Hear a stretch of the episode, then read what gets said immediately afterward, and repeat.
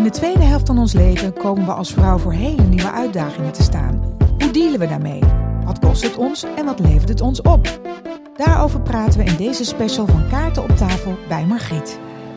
En vandaag leg ik mijn kaarten op tafel met niemand minder dan Nora Beijer en mijn eigen moeder, Ellen Yes. Het is een eh, bijzondere uitzending vandaag, want voor het eerst wordt deze podcast live opgenomen vanuit de Brabanthallen in Den Bosch, uh, de Margriet Winterfair.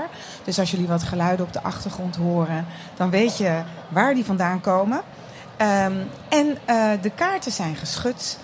En het thema van vandaag is oma worden. En dat bespreek ik, zoals ik al eerder zei, met Noralie Beijer. U kent haar wellicht allemaal van het uh, NOS-journaal... dat ze jarenlang heeft gepresenteerd en waar ze ook redacteur van was. En zij is sinds januari, net als ik ook, een van de columnisten van Margriet. En uh, wat heel leuk is om te weten is, 8 december wordt op de NPO 2 om 22 uur 20 een documentaire uitgezonden over de decembermoorden. En daar gaat eigenlijk een beetje over Nora Lee. Zij is de protagonist van deze documentaire, dus mis hem niet zou ik zeggen. En uh, verder zit hier dus mijn moeder, Ellen Yes. En dat vond ik leuk, want ik ben natuurlijk zelf nog geen oma. Uh, maar mijn moeder daarentegen natuurlijk wel. Dus ik dacht, uh, hoe leuk is het dan om eigenlijk mijn moeder een keertje mee te nemen? Zij is beeldend kunstenares. Zij exposeert ook nog steeds. Je kunt haar ook volgen op Instagram en Facebook. Ellen Yes, gewoon J-E met dubbel S. En dan kun je ook haar werk zien. Goed, welkom dames. Hartstikke leuk uh, dat jullie er allebei zijn. Um, ja, zoals gezegd, het gaat dus over oma worden. Noralie, uh, jij hebt twee kinderen en twee kleinkinderen. Een van 21 en een van 7. Dus dat ligt best wel een heel eind uit elkaar. En uh, Ellen, jij hebt vier kleinkinderen. Uh, ik weet eigenlijk niet hoe oud de oudste precies zijn. Ze zijn allemaal begin 20, hè? 23? 24. 24 en 22? Ja. En mijn kinderen zijn 19 en 15. En um, nou ja, ik vroeg me zo af... Uh, Wanneer um, werden jullie voor het eerst oma? Want de gemiddelde leeftijd in Nederland schijnt 52 te zijn. Hoe was dat voor jou? Waar jij vroeg of?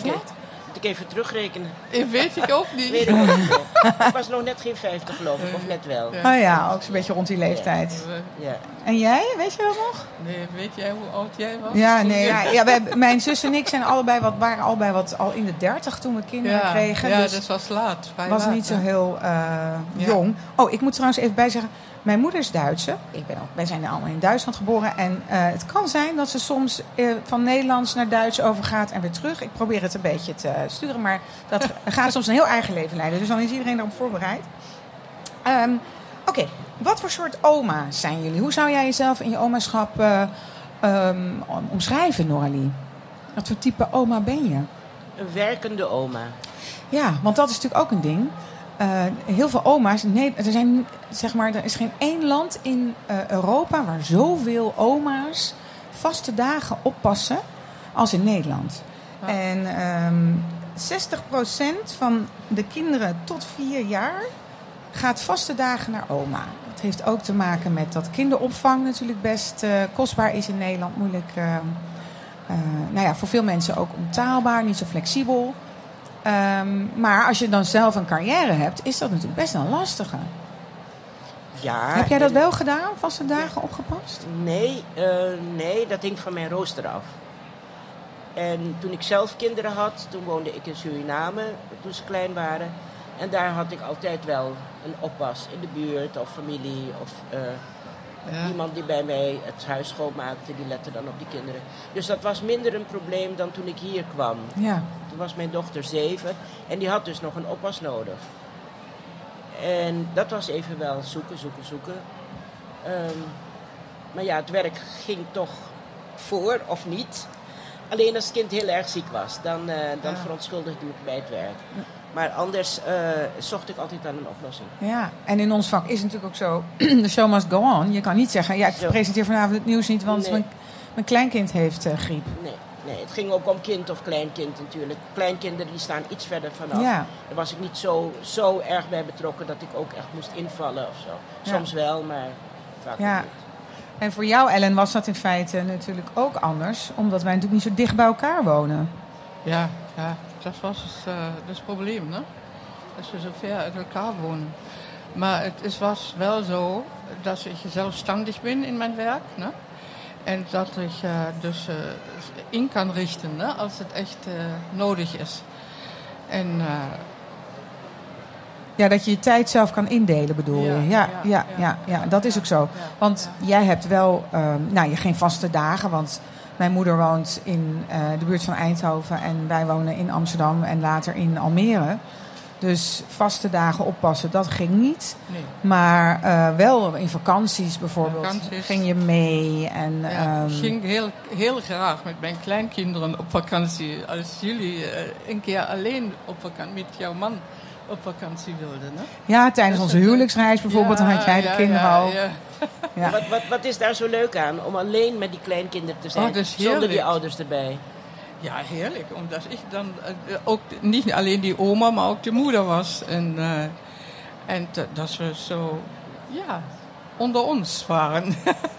niet met een kritisch oog van een ouderdeel daarbij. Ne? Dus en, en ik heb het heel erg genoten. En ik eh, denk die kinderen ook.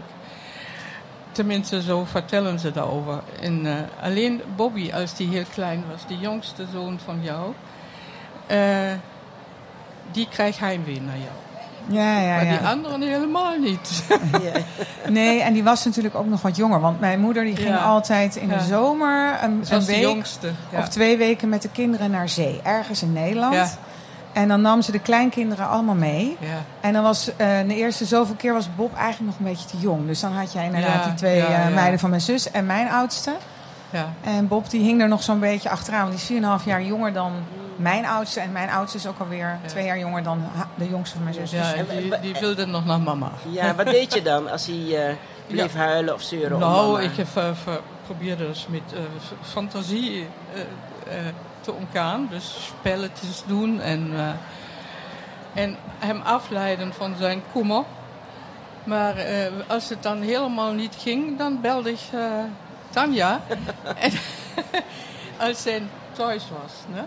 ja. We, we gingen ja ook op vakantie als je thuis was. En, en dan kwam je aangereisd. En dan Ja. hadden we al... Ja. Maar het was ook wel fijn. Mijn moeder was ook altijd is heel reislustig. Dus als wij dan bijvoorbeeld eh, een reisje hadden of zo, en Ja, dan ging hij ook ja. wel eens mee. En dan kon, eh, kon ik of mijn man of wij samen ook eens een keer een avondje uit. En dan bleef zij even bij de kinderen. Dus dan namen Ja, we haar mee op vakantie. Dus dat hebben we ook wel gedaan, hè? Ja. Ja. Hoe ehm, is het voor jullie? oh, die oma-rol is natuurlijk een beetje een rare rol. Want je bent niet de moeder, maar toch ook weer wel een beetje. En de kinderen komen regelmatig bij je.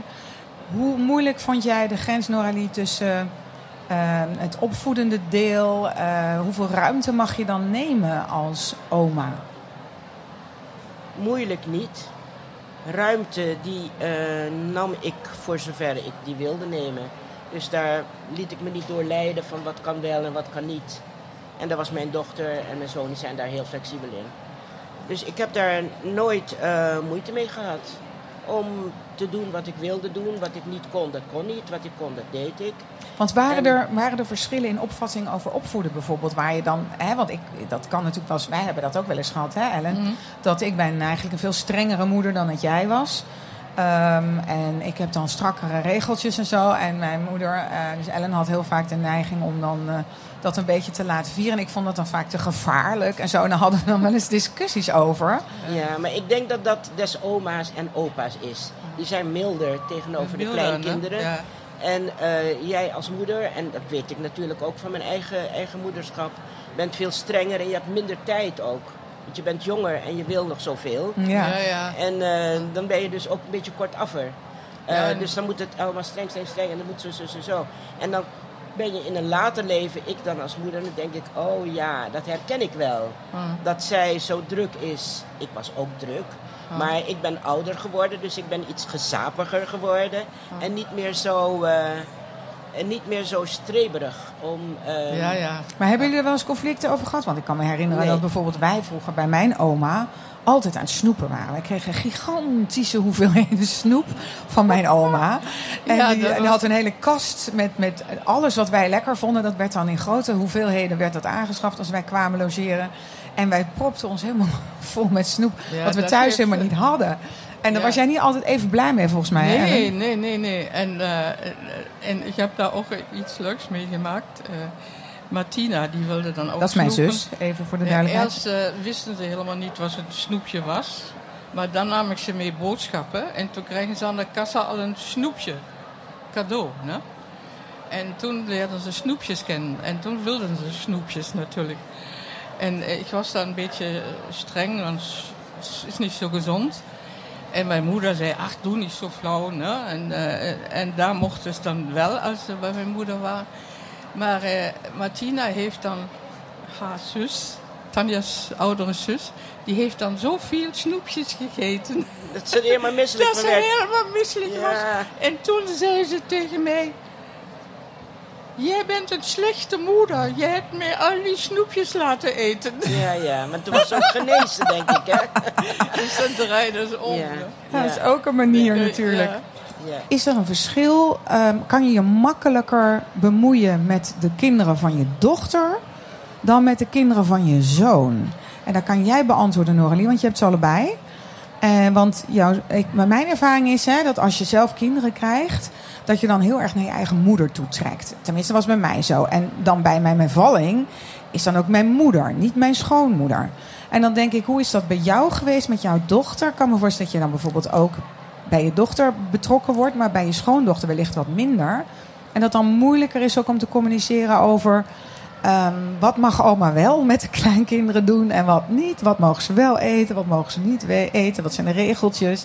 Hebben jullie daar, heb je daar verschil in waargenomen? Ehm, ja, maar eh, ik ben niet het prototype, denk ik, om daar iets over te zeggen. Want mijn dochter die woont vlakbij mij in Amsterdam.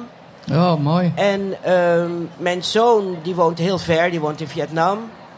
En het Ah, kind, want Ah. die, die ouders die zijn gescheiden, dus het kind is bij de, doch, bij de moeder en die moeder woont in Barcelona. dus het is bij mij een beetje Ja, nee. een ingewikkelde toestand. Ehm, maar ik zie ze, ik zie het kind van mijn dochter zie ik natuurlijk heel veel.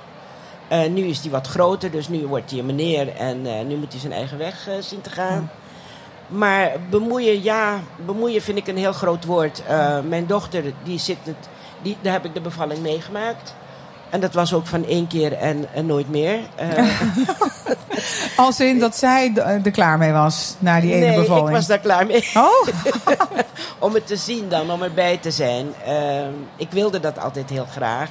En nu deed zich dit gelegenheid dus voor bij haar. En dat heb ik dus gedaan. En toen dacht ik, oké, nou weet ik het. Nou hoef ik het niet meer te zien. Maar ja, er is, je hebt gelijk. Er is een andere band met je dochter dan met je schoondochter. Maar ik, dat hangt er vanaf wie het is. Ja. Want ik ken ook ehm, familieleden van mij, vrienden van mij... die zijn intiemer nog met hun schoondochter dan met hun eigen dochter. oh ja. Dus dat hangt heel erg van de personen af. Dus er is hoop voor mij, zeg maar. Want Wat heb jij moeilijk met je, nou ja, nee, ik, heb, ik, had, ik had ooit twee zoons. Ik heb nu een zoon en een dochter. Mijn oudste kind is transgender. eh, maar valt wel op meisjes. Eh, dus ik heb twee schoondochters. en ik had eigenlijk stiekem gehoopt op een eh, wees-schoondochter. Of in ieder geval zonder moeder.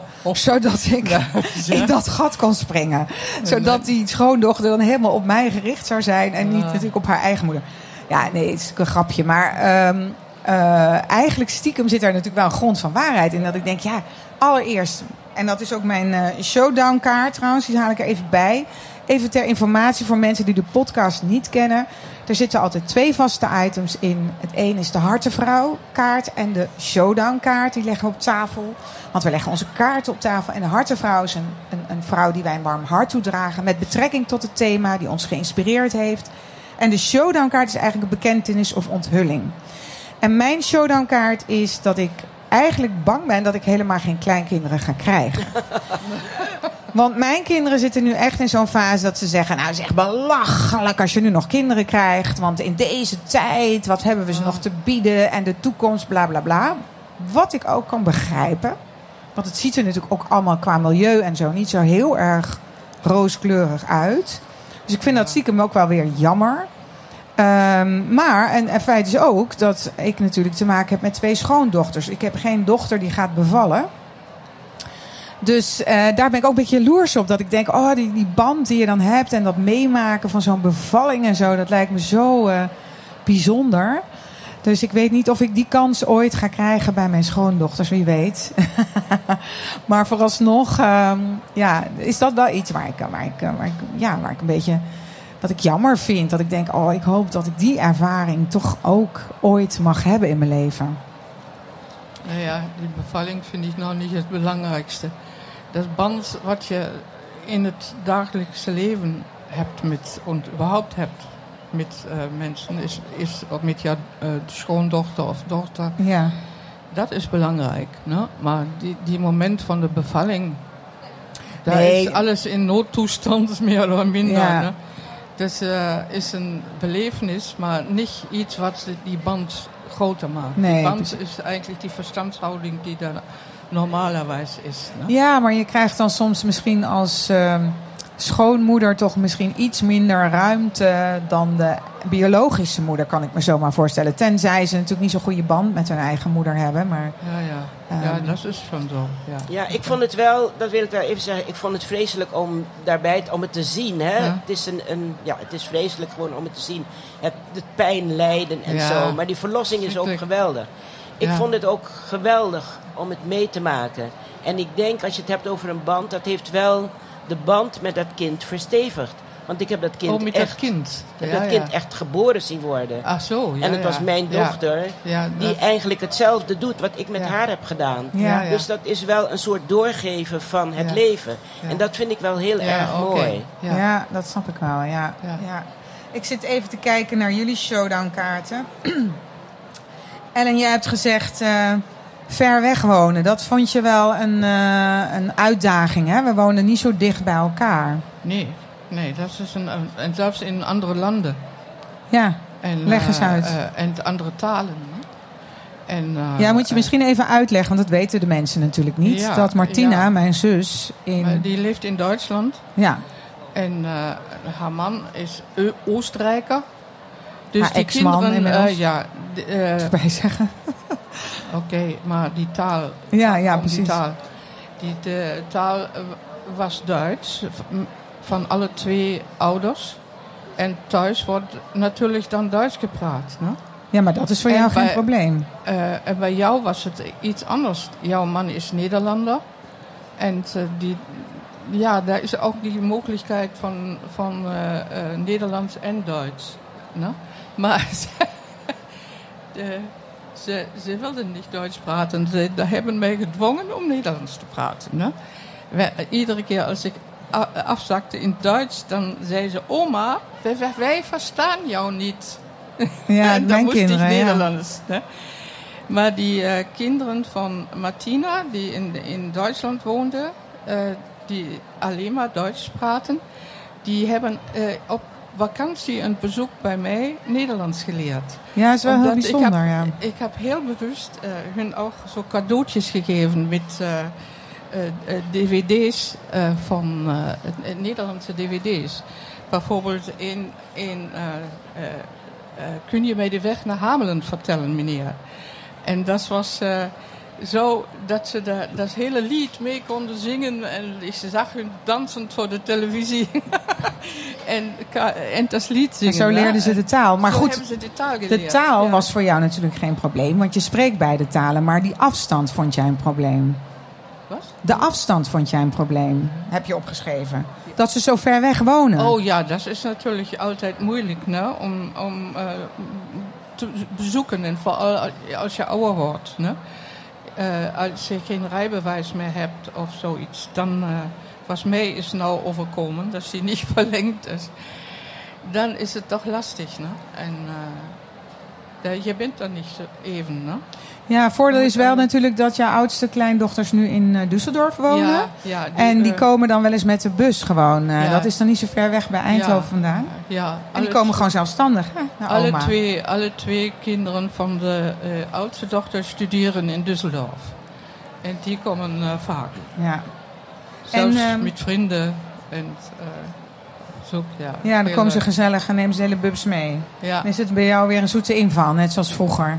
ja. Ehm Noralie, jij hebt opgeschreven bij je showdown kind, kleinkind. Wat bedoel je daar precies mee? Ehm, ik bedoelde daarmee, want je, je, je wil iets hebben wat, wat... Nou ja, ik heb iets gezocht wat mij pijn heeft gedaan. ja. En dat is wanneer zowel het kind, dus toen ik nog gewoon moeder was met kleine Ja. kinderen, als oma met kleinkinderen, als die kinderen en die kleinkinderen pijn hebben, Oh ja. dan voel ik die pijn Ja, ook. ja. Dat En dat vind ik dus, eh, ja, dat is, je deelt dan wel iets. Maar je, ja, je probeert het dan te verzachten, maar dat kan niet, want het, de pijn is in dat andere Ja. lijf. Je ja, lijf, ja, lijf, absoluut. Ook die angsten. Die angsten die dan erbij komen, van komt het goed en zo. En dat is als oma, merkte ik, is dat groter Oh ja? dan wanneer je als moeder... Ik was als moeder niet zo bang, of bang, eh, voorzichtig. Eh, voorzichtig was ook wel niet heel erg. Maar ja, dat, dat ging allemaal wel. Maar als oma ben ik banger dat ik het kind verlies dan, Oh, dan als moeder. En heb je een idee waar dat dan ligt? Het is het herbeleven, denk ik. Ah ja. Dat je, eh, het is een tweede cyclus. Zo, ja. En je mag het herbeleven. Dat is natuurlijk eh, een wonder. Dat is heel fijn dat dat kan. Maar dat maakt het, het, eh, het, het tederder. Dat maakt het voorzichtiger. Misschien ook bewuster. Misschien ben je veel bewuster van al die fases en stapjes en gevaren ook. Want Misschien. als moeder ben je natuurlijk nog Ja. alle balletjes tegelijkertijd Ja. hoog aan het houden. Ja, misschien. Maar dat vond ik dus wel heel raar. Dat ik, als mijn kleinkind ziek was, of als er iets was met het, dat ik me ongeruster maakte Ja. dan. Nou, ik maakte me natuurlijk wel ongerust wanneer het met mijn eigen kind gebeurde. Maar het was een herbeleving die dan in, in, in groter formaat Ja. terugkomt. Snap ik. Ja, oh, interessant Snap je dat? zeg. Ja, dat is heel raar. Is Nou dat. ja, ik Ja. vind het interessant om te horen. Je Ik- maakt ik, da eh, eigentlich alle Probleme, viele herhalen sich, ne? Ja, herhalen zich, ja. ja, ja. Wat je maakt is- alles twee ja. keer mee. Dan denk Wat ik, mooi oh my wat god, niet moet ik nou is, alles ja. twee keer beleven als, als het om Ja. negatieve dingen gaat. Ja. Ne? ja. ja, je Maar, kinderen zijn eh, natuurlijk je Achillespees. En je kleinkinderen dus blijkbaar nog Ja, extra. zeker. Extra, ja. En wat ik interessant Maar- vind, mijn buurvrouw heeft een keer gezegd... eh, heb een buurvrouw en die heeft een zoon die eh, eh, depressief is. En, en ik heb natuurlijk een kind met tra- eh, wat transgender is... wat ook de nodige ja, onzekerheden, zorg... met name ook voor haarzelf met zich meebrengt. En zij zei van, ja, je, je bent als moeder maar net zo gelukkig... als je ongelukkigste kind. Toen dacht ik, oh ja, Oh nee, is dus dat- wel dat waar. Maar ik is wel- dat dan ook zo met je ongelukkigste kleinkind?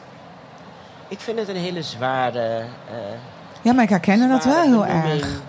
Je bent zo gelukkig als het ongelukkigste kind, ongelukkigste Ja, het klinkt heel heftig, maar het is natuurlijk feitelijk... Kijk, op het moment dat met mijn ene kind heel goed gaat, maar met mijn andere kind heel slecht... dan zit ik toch met die zorg Ja, je zit met de zorg. van dat kind waar het zo slecht Ja. mee gaat. Dus ik kan niet rustig achteroverleunen en denken... nou, het gaat het goed met mijn ene kind. Want dat Maar- andere kind gaat niet zo lekker. Maar bij mij is het ook eh, die afstand weer.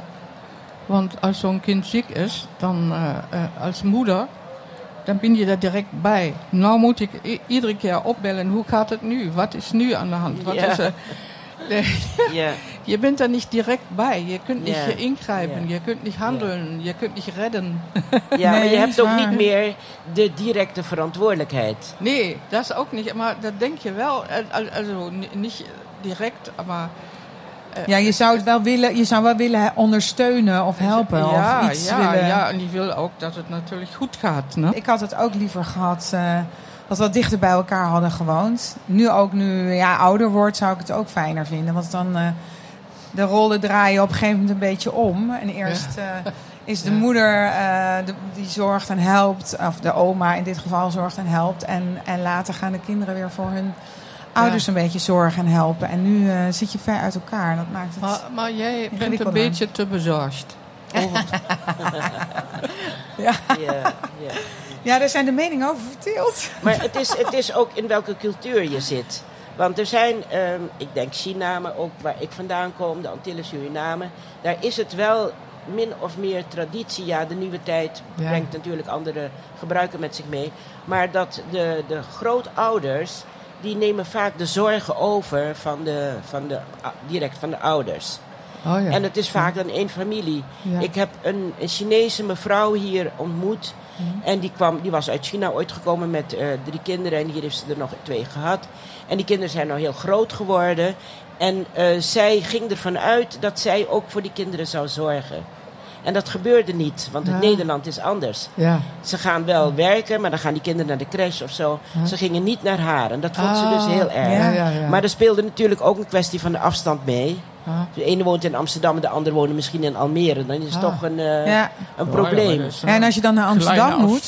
Want dat Ja. had, ja, maar wat het probleem is, dat hadden wij ook, Ellen, was dat jij dan wilde komen oppassen. Maar dat we dus geen parkeerplaats konden Ja. vinden bij mij Ja. in de buurt. Woonden we nog in Amsterdam. En als je dan een parkeerplaats had, dan kostte dat een godsvermogen. Ja, dus ja. dan was, waren we uiteindelijk goedkoper uit als ik gewoon een oppas inhuurde. Ja, ja, ja dat zijn natuurlijk dus gewoon- die praktische problemen Ja. natuurlijk. Maar het feit bleef dat deze vrouw, die voelde zich tekort gedaan eigenlijk. Ja, Ja, ja, dat snap ja. ik. Want zij was Ja, daar, ze had er helemaal op gerekend. Zij dacht als mater familias. Ja, dan komen Ja. die kinderen bij mij, want Ja. die, die, die, die dochters moeten toch werken en zo, of die zonen ook.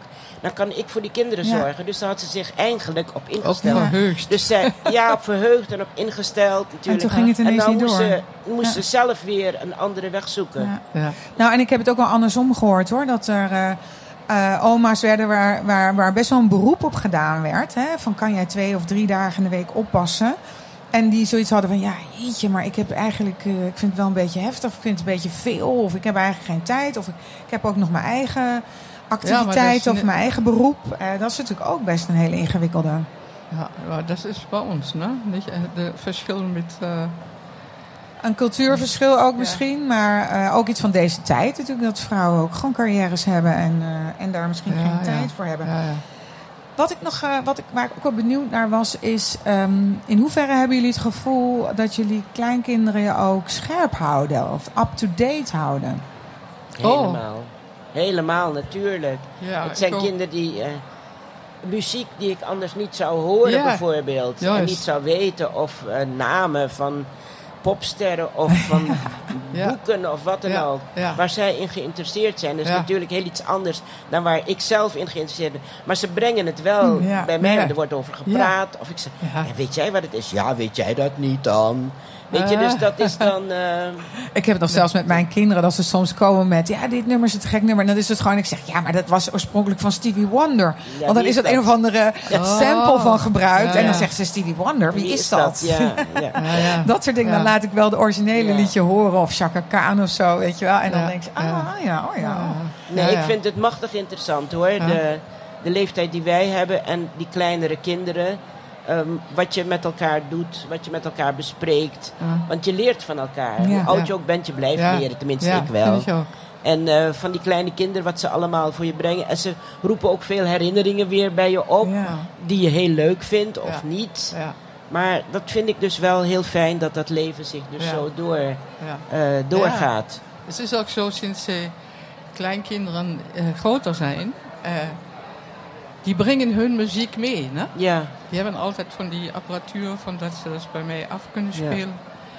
En, eh, en dan zijn daar eh, ook muziekstukken ook uit Afrika oder uit andere landen die ik nog Ja. nooit heb gehoord. En dat vind ik enorm interessant. Ne? ja, ja.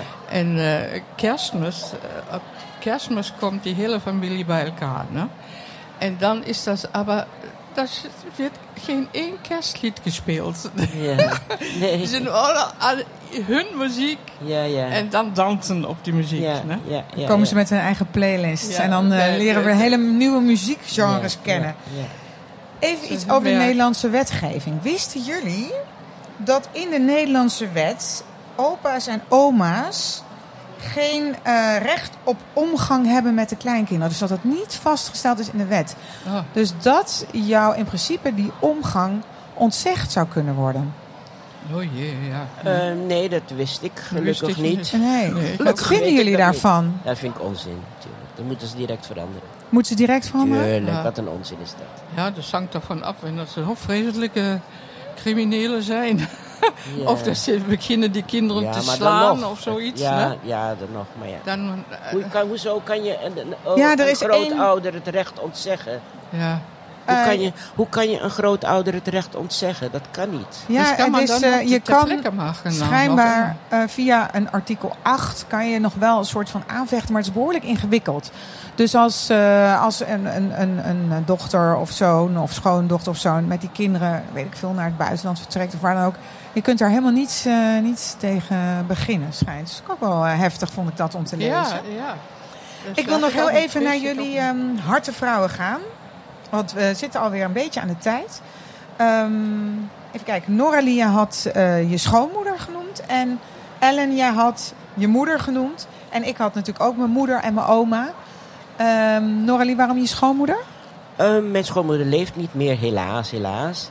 Maar zij heeft een, ook een enorme, wat oma betreft, een kleinkind, enorme indruk achtergelaten bij mijn dochter. Want zij heeft mijn dochter twee of drie jaar bij zich gehad. Ja. En het was een geweldige, het was echt een, een voorbeeldige huismoeder en huisvrouw. Wat ik nooit ben geweest. maar waardoor ik dus wel altijd heel erg tegen haar heb opgekeken. En, en eh, dat dat kan. Dat iemand in staat is om zich zo dienstbaar te maken aan haar gezin, aan haar man, aan de kinderen en de kleinkinderen. Hè? Want ze heeft al die kleinkinderen heeft ze dus ook omarmd en bij zich gehad. En zo. En het was misschien wel gewoon ook helemaal haar ding. Ik denk in die generatie vrouwen die nog niet een eigen carrière hadden, die stortten zich daar dan helemaal op. Nou ja, nou, ik, zij deed het echt van harte. Ja. Denk ik. Het was niet dat zij dat deed van, oh, ik had graag eh, dit willen worden. Of ik had graag... eh, Nou, mijn oma ook, denk ik hoor. Ja, mijn oma was ook. zo, ach, maar die deed alles voor Ja. ons.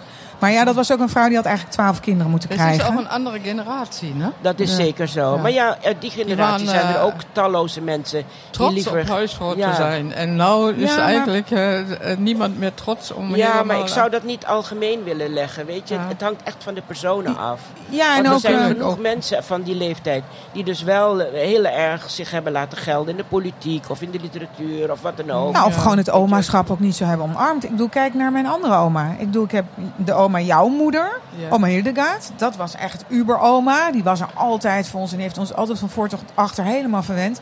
En mijn andere oma, die was eigenlijk, ja, dat hele moederschap en omaschap, het lag haar eigenlijk niet zo. Was, ze gewoon niet, was gewoon niet zo helemaal haar ding. Dus daar eh hadden we een hele andere band mee. Ja, ja, maar zij werkte ook niet. Hè? Eh, Nee, maar die andere oma ook niet? Nee, ik bedoel, die was zo'n echte huisvrouw, was, waar jij ook over praat. En die andere oma had dan niet, ik weet niet waarom. Nee, die, die was ook huisvrouw en mo- moeder. Ja. Maar dat was gewoon niet zo haar ding. Dus Maar- ik denk dat het niet per se te maken heeft met dat, dat ze een carrière wel of niet hadden. Maar dat het gewoon ook niet, niet zo heel erg van harte ging of zo. En dat is natuurlijk wel eh, wat je voelt. Wat ik bij jou voel bijvoorbeeld, eh, Ellen. Jij bent echt een oma die geniet van de kinderen. Jij vindt het ook leuk om kinderdingen te doen. Veel leuker dan dat Ja. ik dat vind. Maar ik ben geen voorbeeldige huisvrouw. Nee, dat is waar. Het was, als jij langskwam was het daarna het huis ontploft. Ik was zelfs jaloers op van die oma's van vriendinnen van mij... die dan alles hadden opgeruimd als ze thuis kwamen. Bij ons is het precies andersom. Maar de kinderen hadden wel een toptijd gehad. Ja, natuurlijk. Want daar had je daarmee en geschilderd. En, ook, en- eh, eh, mijn werk eh, heeft hun zeer inspireerd. Ik heb ook heel veel met de kinderen geschilderd. Ne? ja, Ik geknutseld, had altijd materiaal in huis en ze gingen ook naar mijn atelier en werkten daar soms mee. En één keer heb ik een zomeratelier gebouwd op het eh, eh, land. Ik heb een heel grote eh, tuin, ik woon in een boerderij. Eh, een grote tent, tent opgebouwd. Ne? Mm. En, eh, en omdat die twee oudsten, die twee meiden, alle twee op de kunstacademie in Düsseldorf zitten, eh, zijn ze natuurlijk geïnteresseerd. Ne? Ook. Of, of misschien is het daardoor gekomen. Of, Ja, dat weet, kan. hè? Maar ja, hun beide Ja. ouders zijn natuurlijk ook kunstenaar. Dus het is Ja. bloedkruid waar het niet gaan kan. Ja, is dat. We zitten een beetje aan de tijd, dus ik wil nog even ter afsluiting van jullie weten. Als, je nou, als er nou aanstaande oma's zijn die zitten te luisteren, wat is dan jullie ultieme tip? Noralie, Eh, de do's en de don'ts. eh, ga ervoor. Ga ervoor. Ja, voor het algemeen. Ja, dat is te algemeen. Nee, ja, ik bedoel... eh, Wat, wat moet je nou vooral niet doen als oma? Misschien moeten we daarmee beginnen. ja, maar het, hangt zo erg af van degene met wie je te doen hebt. Hmm. Als je een dochter of een schoondochter hebt of een zoon... die eigenlijk liever wil dat jij dat doet en jij doet dat... dan doe je dat. Ja, ja. Dus ik vind van, je moet precies doen wat je zelf wil. Wat je zelf leuk vindt in het contact ja, met je kinderen en met je kleinkinderen. Ja. Dat moet je vooral doen. En niet dingen eh, doen omdat het moet of zo. Oh, nee. dat, dat wordt toch niks. Ik vind liefde en genieten. Ne? Ja, natuurlijk. en eh, ja. met elkaar feestvieren. ja. Dat, eh, en, en fantasie ontwikkelen. En, maar niet te veel verbieden of, opvoeden, dat moeten dan die ouders doen. Ja, dat Ja, is ook het leuk, leuke van maar- oma worden. Het is wel zo dat kinderen die weten precies wat ze bij jou mogen, bij de Ja, oma en de opa. tuurlijk. En bij de kinderen of bij de tante, ze weten het precies. Zeer, tuurlijk. En als je het hebt over snoep, nou ja, ze mogen bij mij wel iets eten wat ze thuis bijvoorbeeld niet eten en niet mogen eten. Dat krijgen ze dan bij mij wel. Niet in overdadige Nee, overvloed. nee. Maar een beetje verwennen mag wel. Ja. Ja. nou, vind ik wel leuk om mee af te sluiten, denk ik. Nou, ik hoop dat eh, jullie het ook een leuk gesprek vonden. En iedereen Ja. hier op de beurs. eh, bedankt voor het luisteren. En jullie bedankt voor jullie komst.